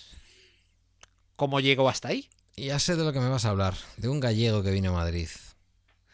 Sí, eh, fíjate que eh, Citroën empieza en, en Galicia, tiene otra fábrica en Villaverde que montó un gallego. Esto no deja de ser curioso. Un gallego que es probablemente el gran empresario de, de la automoción, ¿no? Del, del franquismo. O a mí me lo parece. O, no Sí, la eh, mm, eh, Eduardo Barreiros bien merece un capítulo para él solo y probablemente le hagamos. Pero bueno, podríamos decir que eh, era un hijo de una familia que tenía una pequeña empresa de autobuses de línea, que montó un pequeño taller mecánico para reconstruir autobuses después de la guerra y montar gasógenos. Eh, en 1945 vende la empresa de autobuses y funda Becosa, eh, empresa constructora eh, creada para la contratación de obras públicas. No obstante, el taller familiar se mantuvo, comenzando la transformación de motores gasolina a diésel en el 49, por las necesidades de los propios vehículos de las contratas. Y es que en aquellos, eh, en aquellos momentos circulaban un montón de CIS 3HC rusos excedentes del ejército después de la guerra, que habían venido con el, con el, sí, sí, sí, sí, eh, con motor de gasolina. Eh, ante el éxito de las conversiones, que en, en principio pues eh, fueron propias, muchos transportistas se interesaron por ellas, eh, los cuales pues tenían esos mismos excedentes. El taller se quedó pequeño y decidieron trasladarlo a Madrid en 1951. Eh, para el 54 ya funda Barreiros Diesel, empezando a fabricar sus propios motores, comenzando con el E EB, EB2, eh, un motor de dos cilindros para tractores, del que se vendieron 480 unidades durante el primer año. Ojo. Oye, no quiero adelantarme, pero aclárame una cosa, que, que me estoy poniendo ya nervioso. ¿Barreiros tuvo algo que ver con la llegada a España del Dodge Dart? Tuvo todo que ver. Vale, sigue, ya te dejo. Es que me, es que me vienen recuerdos de mi infancia e historias de mi padre de los coches de la época. Se casaron en un, en un Dodge Dart, que fue, no porque pobrecitos míos no lo tenían, pero no sé si era un taxi o qué fue su coche de bodas. Y bueno, eso tiene una historia detrás que un día ya contaremos. Sería un taxi seguramente, porque anda que no me ha contado veces mi padre de que le alquilaban el taxi para una boda o una cosa así. Sí, yo me imagino que sí. Y si, y si era un taxi, podría decirte hasta el nombre del taxista, porque en casa teníamos un taxista, por supuesto. Por supuesto. Bien, pues después de este EB2 eh, se comenzó la fabricación del EB6 basado en una evolución de los motores Perkins, que ya hablábamos de ellos. Y bueno, fíjate, en aquella época eh, hacían tres unidades diarias que se montaban en camiones de pequeño tonelaje. Lógicamente, claro, el siguiente salto era hacer vehículos completos. Y para ello se compraron los primeros 20.000 metros cuadrados de terreno en Villaverde. Esto ya no suena. Pero, claro, el régimen no le dio la licencia para ello. Claro, el INI fabricaba Pegaso a través de, de NASA. No obstante, pues bueno, en el 55 se creó CAPSA, compañía anónima de bombas, para la fabricación de bombas de inyección y equipos eléctricos, y se empezó a fabricar el motor EB4 para turismos y taxis, el motor Barrios Diesel. Ujú. En el 56 se fundó MOSA, que esto te sonará, Motor Nacional SA. Seguro que has conocido un, un concesionario MOSA de Peugeot. No, no me viene a la cabeza ahora. Bueno, pues eh, hay un montón de un montón de, de Mosa o Hispanomoción. eh, que son, eh, bueno, pues eh, en este caso Mosa se- es una empresa que se creó para la comercialización de los productos barreiros. En el 57 ganó eh, un concurso para el suministro de 400 cañones al ejército portugués. El prototipo de aquel cañón, conocido como, eh, como el abuelo, fue realizado con piezas de desguace. Joder. Para saltarse la prohibición de fabricación de camiones, se convierte en ensamblador de la marca Star polaca. Adquiría carrocerías en Polonia, que pagaba con motores en lugar de dinero, a las que añadía un motor EV6. Cágate, lorito. No sé cómo era desde el punto de vista de la automoción, pero como empresario el tío era un hacha, está claro. Posteriormente amplió la producción a grupos electrógenos de soldadura, frenos eléctricos para camiones, básicamente lo que, lo que, le, dejaba, lo que le dejaba el régimen. Por fin en el 58 consiguió el permiso del ministro de Industria para producir camiones. Con una carrocería inspirada en, en un modelo Berliet francés. En el 59 fundó David Brown Engranajes para fabricación de cajas de cambio diferenciales. Hanomag Barreiros para fabricación de tractores agrícolas bajo la licencia de la empresa alemana Hanomag, pero la motorización Barreiros. Compañía portuguesa de motores y camiones para, para eh, que, que servía para exportar los productos de Barreiros a África, América del Sur y Portugal. Este tío no paraba, ¿eh? Menuda máquina. En el 61 se asoció con la firma ah, alemana ah, Vidal and Son Tempo Werk de Hamburgo para la fabricación en España de las furgonetas Tempo. Para ello constituyó la sociedad denominada Tempo Onieva S.A., participada a partes iguales por Industrias Motorizadas Onieva, eh, Barreiros Diesel S.A. y Reistal Hanomag, propietaria de Tempo en aquellas fechas y socia de Barreiros en la fabricación de, de tractores. Esto tela, ¿eh? Madre mía. El tío tenía un emporio.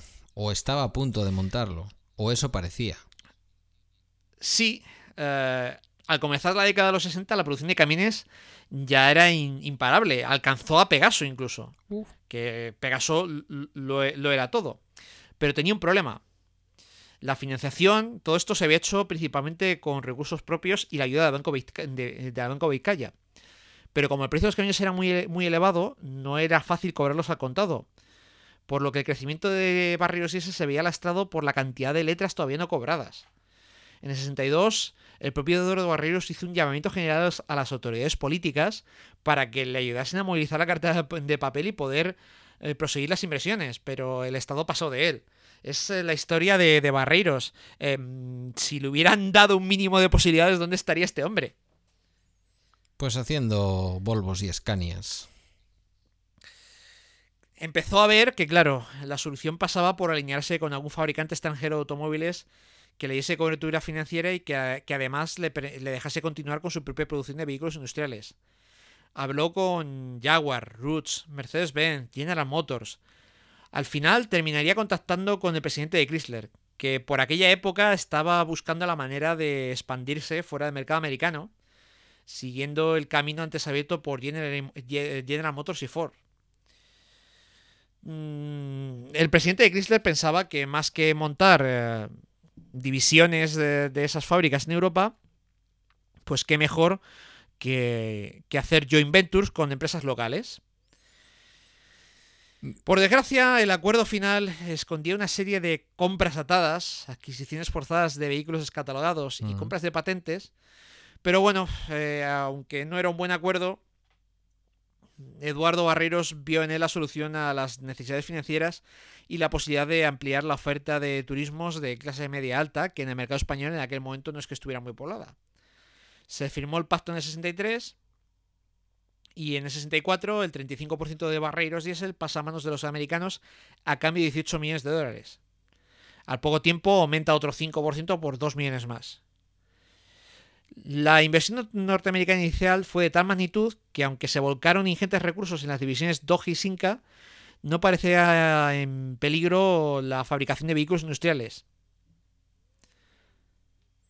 Dos Para el y 65. Sinca. El Sinca 1000, el Sinca 1200, el Dodge Dark. Exacto. Exacto. En el 65 salían estos primeros Doge, eh, acompañados al siguiente por los más modestos Sinca. Gama alta, gama media. Qué difícil es hacer el amor en un Sinca 1000, que decían los 1000. inhumanos. Se levantaron nuevas plantas para fabricar el Sinca 1000 y el, y el Doge Dart, llegando a tener instalaciones con 2 millones de metros cuadrados y una plantilla de 12.000 trabajadores. Ot- La cifra de trabajadores de todas las empresas existentes del grupo superó los 25.000. Madre mía. Oye, una pregunta. ¿Y toda esta operación en algún punto tiene algo que ver con Talbot? Eh, sí, Talbot es... Llegaremos. Me acuerdo de un. Bueno, luego te lo contaré, pero me acuerdo de un modelo en concreto, un tipito así americano, que era Talbot Solara Escolar Diesel. Digo, ¿no le pueden poner un nombre más largo? bueno, eh, luego tienes el Fiat Regata Mare. También. Aunque, hombre, para, para nombre largo, eh, yo tuve el Toyota mm, Touring Sports Hybrid Active. Eh, perdón, Toyota Auris Touring Sports Hybrid Active. bueno, eso ya es insuperable, estoy de acuerdo contigo. Pero no me negarás el encanto de Talbot Solara Escolar Diesel. Solara. El, Escolar. tal, el Talbot Horizon, que sí, ese El sí que Talbot éxito, Horizon, el bueno. Talbot Horizon lo tenía de, de coche la Policía Nacional. En un coche de Y aquellos. mi padre de taxi. También. eh, pues mira, en, en un coche de aquellos, yo creo que de color marrón, aquel marrón que utilizaba la Policía, la policía Nacional en aquella época, ha sido la primera salida que yo hice en mi primer trabajo como trabajador social en, en- en los servicios sociales de la Diputación Foral en protección de menores, acompañando al grupo de menores de la Policía Nacional a retirar un menor del domicilio por razones, en fin, que te voy a contar. Fue en un Talbot de aquel, en un, sí, en un Talbot Horizon, exacto. ¿Qué, qué memoria? ¿Cómo? Los coches tienen alma, ¿verdad? Pues sí, sí, sí, sí, sí. Vale, ya está. Ya ha sido el pensamiento profundo del cuña, ya puedes seguir. Bueno, pues eh, En el 66 se llegó incluso a plantear la posibilidad de comprar eh, competidores como Saba. Pero claro, si os acordáis, Saba lo compró Pegaso. eh, Es una marca de furgos. digamos que Barreiros hacía lo que le, lo que le dejaban. Saba era una marca de furgos, ¿no? O, o tengo yo ese recuerdo. Sí, exacto, la Saba J4.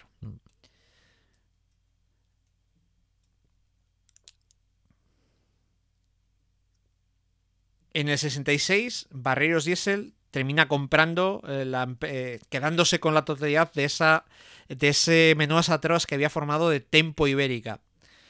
Ah, como curiosidad, esta fábrica de furgonetas venía de la fábrica de motos Roa, que a lo mejor te suena, que hacían las BMW eh, bajo, hacían motos BMW bajo licencia, que eh, motorizaron a la Guardia Civil durante mucho tiempo. No, pues no me suena así de entrada, fíjate. En cualquier caso, aún por debajo de la exitosa imagen que trascendía al público y los medios, se libraba una batalla, una batalla campal entre Barreiros y el grupo Chrysler. Pues eh, cada uno pues, veía las cosas eh, a su manera. En el 67 las eh, ventas cayeron por debajo de las previsiones y bueno, pues el dinero escaseó y al final el grupo Chrysler se quedó con... tuvo que vender parte de... eh, eh, mejor dicho, Barrios tuvo que vender una parte más, más elevada al grupo Chrysler, quedándose el grupo Chrysler ya con el 77, perdiendo control Barrios de la empresa. Y bueno, pues eh, Chrysler redujo drásticamente las inversiones en vehículos industriales, que parecían no interesarle, y buscó reforzar la penetración de los turismos. Los americanos habían prometido a Barreiros poder utilizar toda la red mundial de Chrysler y Sinca, pero esto nunca fue así.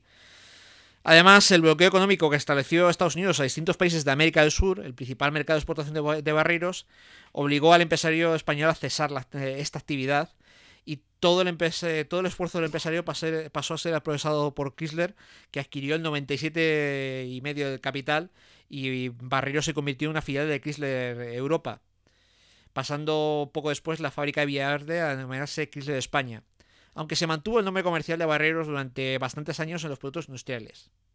Tenían prestigio. Tenían prestigio. Durante la década de los 70, debido a la mala situación financiera de la matriz nor- norteamericana, eh, Chrysler vendió sus filiales europeas al grupo PSA, Peugeot Citroën. Por eso Citroën tiene, Peugeot Citroën tiene la fábrica de, de Villaverde. El acuerdo incluía el mantenimiento de la marca Chrysler hasta el 79.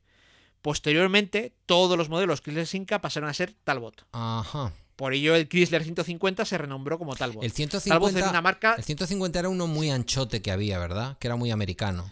De aspecto muy americano para la época. Mm, Si no mal recuerdo, no. El Talbot 150 era uno bastante grande, pero era cinco puertas, tenía portón trasero, algo que en aquella época no era muy común, y más no tan grande. Yo, yo creo que es, bueno, que no sé si eran cinco puertas, pero que es la forma que yo recuerdo. O sea, que, que yo creo que estamos hablando del mismo coche. Había uno en mi barrio. Puede ser.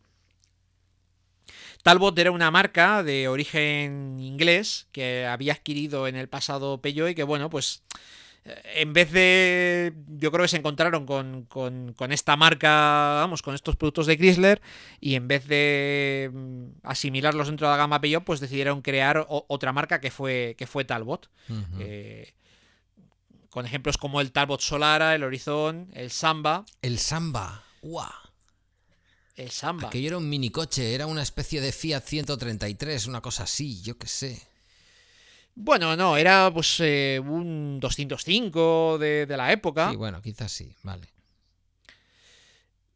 En cualquier caso, Samba, eh, joder, madre mía.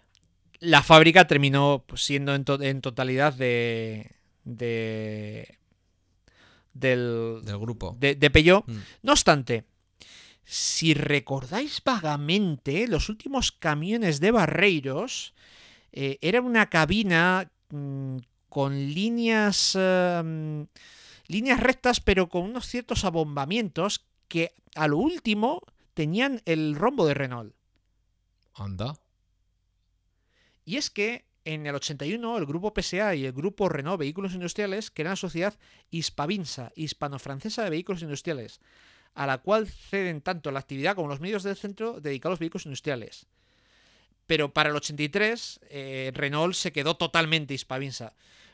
Por un corto periodo de tiempo, los modelos del antiguo barreros diesel se vendieron como Renault.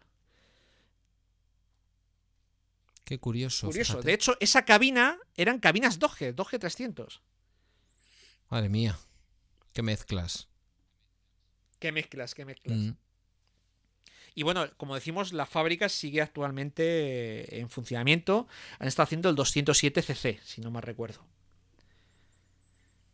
Ay, Jesús, cómo pasa el tiempo. Qué jóvenes éramos, hijo. Pues sí, y yo creo que a lo mejor es momento de parar un poco, Dejarlo aquí. porque queda... Claro, nos sí, va- queda aquí... nos va a quedar- que- Nos va a quedar para el próximo programa toda la, toda la épica de Fiat y, y Seat y toda pues, esta eh, historia, ¿no? pues mira, nos queda eh, General Motors, Ford, Santana, IPV, Urovesa y SEAT, que todo el tema SEAT tiene su, tiene su miga. ¿Urobesa es la yo que creo- hacía los camiones Uro? Exacto. Oh, tenemos uno de esos en el ayuntamiento y sigue por ahí dando vueltas. Sí, sí, hacía y hacen. Vale, vale. No, si este quizás no sea, no tenga 25 años. Eh, se usa para cargas fuertes, así bueno, ya sabes, ese tipo de camiones Mm. que parecen todoterrenos. Pues yo creo que lo vamos a dejar para un segundo episodio. y además, pues eh, si nos hemos dejado algo dentro de la documentación o se me ha patinado el cerebro, pues eh, agradecemos eh, las aportaciones de, lo- de los oyentes. Por supuesto. Casi tanto como las estrellas de, de iTunes y los comentarios en iVoox. Y bien, Bonito. yo creo que antes de despedir, te puedo contar rápidamente la última batallita. Y es que el domingo pasado estuve eh, viendo el Mundial de Rallycross en Montalegre, en Portugal. te vi por Instagram, te vi. Te vi, te vi. La carrera una maravilla, el tiempo una mierda. Sería el resumen. Bueno, pero ahí estabais todos con vuestros paragüitas, ¿eh? que eso también tiene mérito. Eh, sí, sí, sí. Y lo cierto es que, bueno, pues no dejaba de ser, aun con el mal tiempo que había, el circuito estaba lleno hasta la bandera. La verdad es que, em, a poquito que os interesen las carreras de coches, esta carrera del Mundial de Rallycross en Portugal, que bueno, es Portugal, pero esto está a pe- 10 kilómetros más abajo, 15-20 kilómetros más abajo de Berín, a 5 kilómetros solo dentro de Portugal, o sea que a mí, a mí, por ejemplo, me pillaba a 300 kilómetros. A gran parte de, de la gente del norte de España le pilla muy cómodo para ir y venir el día. Y es algo que, mm, plantearos, la entrada no es cara, a mí me costó 35 euros. Y la gracia es que te permite eh, todo el paddock, está mm, pues, abierto y puedes meterte casi, vamos, que un poco más y te metes y te da una llave, una llave inglesa para que hagas algo. O una llave de arranque. Entonces, eh, mm, bueno, ese, ese ambiente todavía de, de garajista, de pues de, de, de- de a- a- automovilismo antiguo, y los coches per se son espectaculares. El rallycross son carreras con coches eh, que estéticamente son de rally, de hecho muchos son coches de rally reconvertidos, solo que eliminan todas las restricciones eh, que hay en el Mundial de Rallys.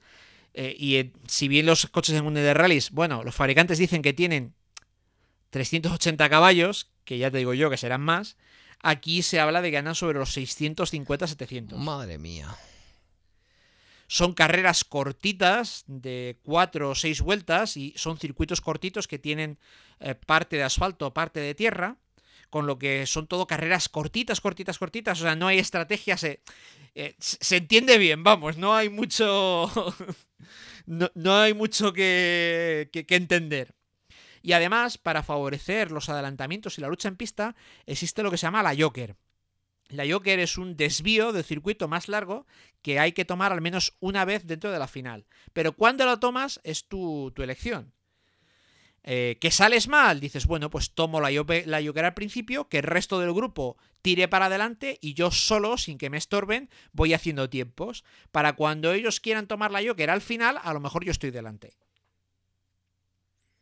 Lo cual, como te puedes imaginar, en la unión de la Joker al circuito normal da mm, Mucho para juego. muchas- mucho juego. Sí, sí, sí. Así que, ya digo, es un plan que no es, no es muy caro. eh, nos costó, ya digo, la, la entrada 35 euros. Además, te puedes meter tu nevera con comida tranquilamente. La verdad es que no hizo tiempo para comer en la grada.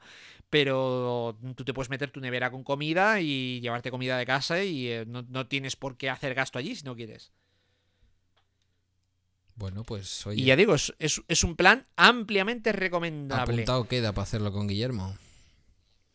Sí, sí, sí, yo, vamos. Mm, perfectamente. perfectamente posible. Tú te llevaste a Melissa, que es una loca de las carreras. Eh, no, trabajaba. Tenía ironía el asunto. Sí, sí, sí. No, trabajaba y si no hubiera trabajado no sé si habría venido y más con el frío que pasamos. No, me fui con, con un par de buenos amigos con los que eh, dos de ellos estuve en un rally de coches radiocontrol eh, una semana anterior, que también puse fotos y cosas en el Instagram y sobre todo en el grupo de Telegram. No paras, muchacho. Bueno, pues oye, eh, intento. De hecho, em, ahora se abre un periodo bastante intenso porque este fin de semana estamos grabando un viernes por la noche, ya sábado. El domingo tengo una carrera aquí en Valladolid. El siguiente domingo en Madrid.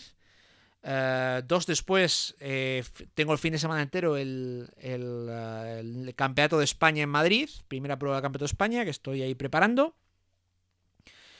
Eh, después otro regional en Madrid y después ya Alemans. O sea, que esto es un no parar. Porque sí, bueno, creo que lo he dicho, pero voy a volver a Alemans este año. Eso ya lo has dicho, cabrito. Sí, pero bueno, déjame que me regodee un poco. Ya, ya, ya. Sí, ya te veo. Ya te veo la intención. Bueno, eh, en cuanto a la biblioteca, comentar, eh, ¿recuerdas que habíamos hablado del programa este de Wheeler Dealers que Mm. se veía en la TDT como joyas sobre ruedas? Sí.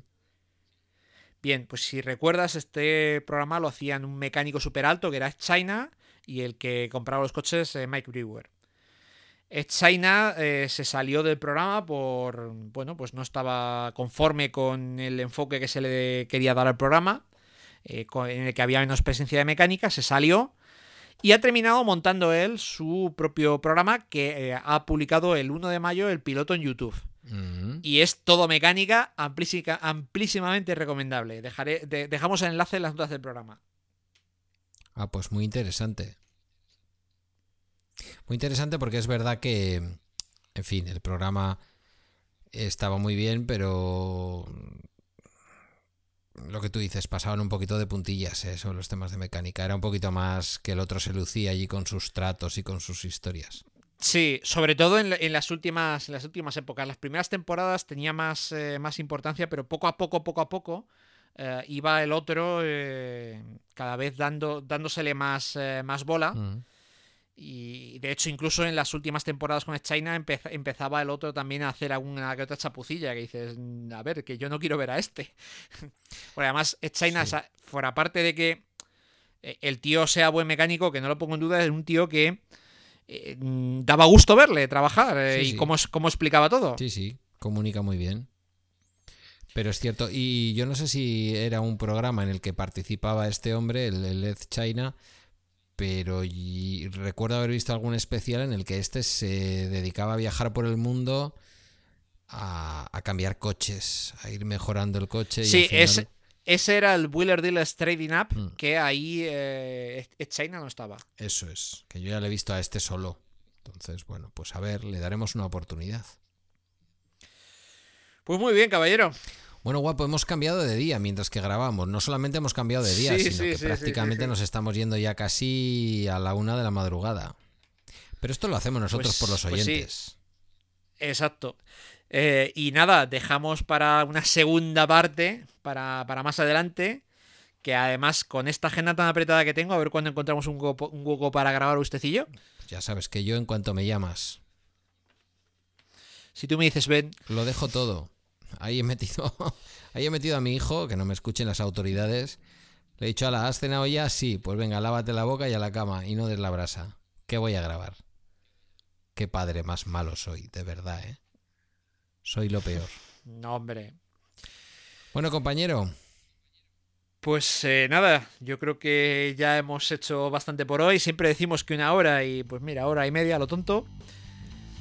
Y yo creo que con esto todo, ¿no? sí, si les ha gustado lo que han oído, lo que queda es mejor.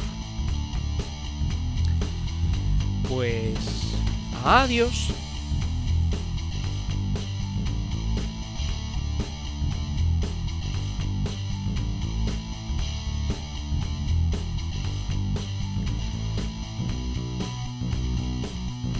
Puedes comentar este episodio en avpodcast.net barra mecánicapod, así como en iBox. También puedes contactarnos en mecanicapod.gmail.com o a través de Twitter, arroba mecánicapod. Y si te ha gustado este episodio, por favor déjanos una reseña en iTunes. Verdaderamente ayuda a que este podcast llegue a más gente.